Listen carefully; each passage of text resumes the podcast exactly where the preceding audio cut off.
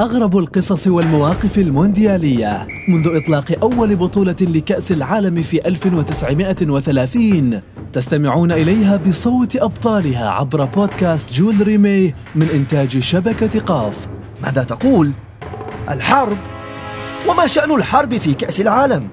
تبا هتلر ينوي غزو أوروبا كلها حتى جاء لي يوما بفكرة ظننتها مسحة قال لي سنتزوج في ملعب المباراة ملعب فيلودروم لقد أخذوا يعجلون من وتيرة التفتيش ولسوء حظي بدا لأحدهم أن يفتش تحت السرير فأنزل رأسه ليرى صندوق الأحذية.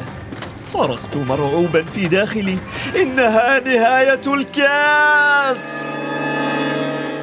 استمعوا إلى الحلقات عبر منصات البودكاست المختلفة. لا تنسوا الاشتراك لتصلكم حلقاتنا أولا بأول. نتوق لتفاعلكم عبر حسابات شبكة قاف على منصات التواصل الاجتماعي. نلقاكم قريباً.